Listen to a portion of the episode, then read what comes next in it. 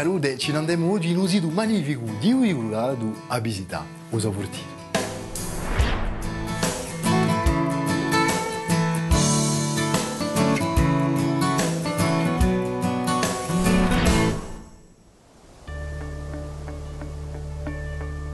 Qual è che non ha mai inteso parlare di un bellissimo golfo di Porto e più particolarmente di Agala di Uiruladu?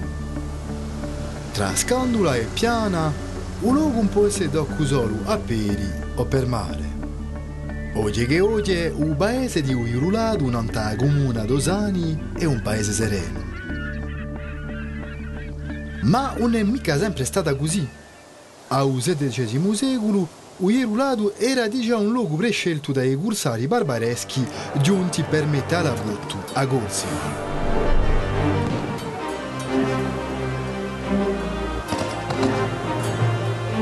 Cioladichi a Gorsica agora è brutta per via che è un luogo strategico al centro di un Mediterraneo e che è difesa poco e mica.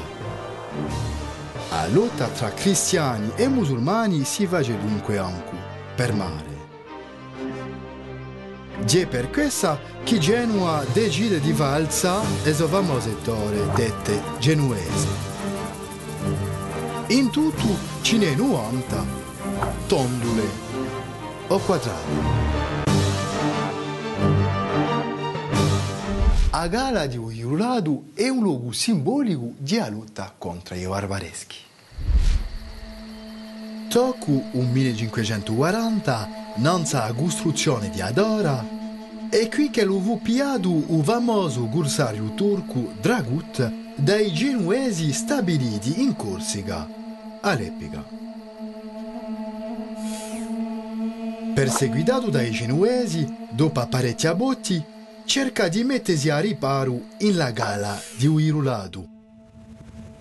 Ma, disgrazia per lui, i uatelli di Genova l'impediscono di fuggire. Pur che l'avessi fatto e malfatte, è cappiato Dragut e di Barbarossa, governatore d'Algeri, che u compra all'ammirale genuese Andrea Doria. E un corsario turco è un capitano di prima drinca. D'altronde continua Dragut e so malfatte, combatterà attorno ai genuesi e metterà alla bottu e goste di Corsica. Anche per aver vinto a Uiruladu, e galere genuese non sono mica abbastanza numerose per difendere un litorale gorsu. È così che i genuesi decidono l'edificazione di Adora. Alzate tra il 1520 e il 1620 ed ora i giovani anzitutto da privene in caso che l'attacchino i barbareschi. È muretto che a gala di Uiruladu era un luogo strategico per Genova. C'è la rammentà che questa gala è ricercata assai, posto che è proprio qui che li buoni sbarcai attigli. D'altronde, la costruzione di Adora si farà sotto l'autorità diretta di Genova e dell'architetto Geronimo del Levanto detto il Levantino. Comincia l'edificazione il 1551, a tempo a quella di Porto. I lavori si compieranno al principio di un XVII secolo.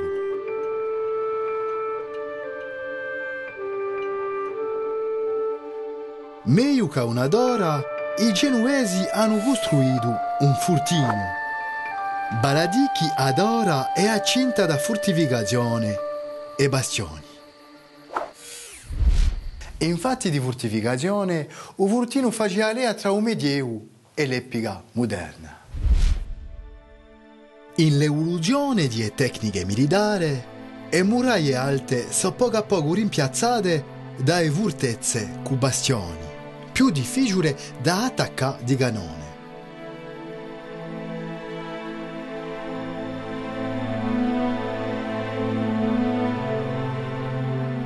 Ne puede vedere esempi altri come qui in giro a Cittadella d'Aiaccio.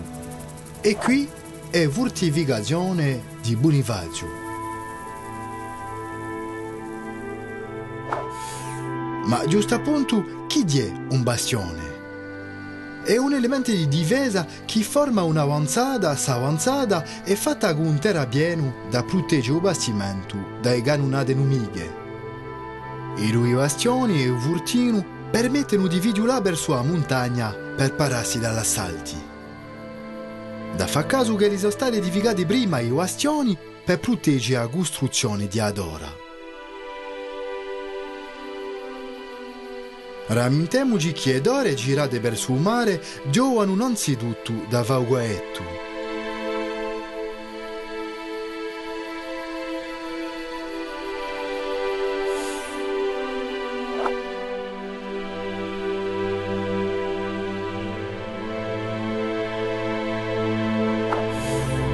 Siate attenti, ci sono infatti due ore appiccicate ad ore grande a più maiò e ad ore mozza a più ciuca.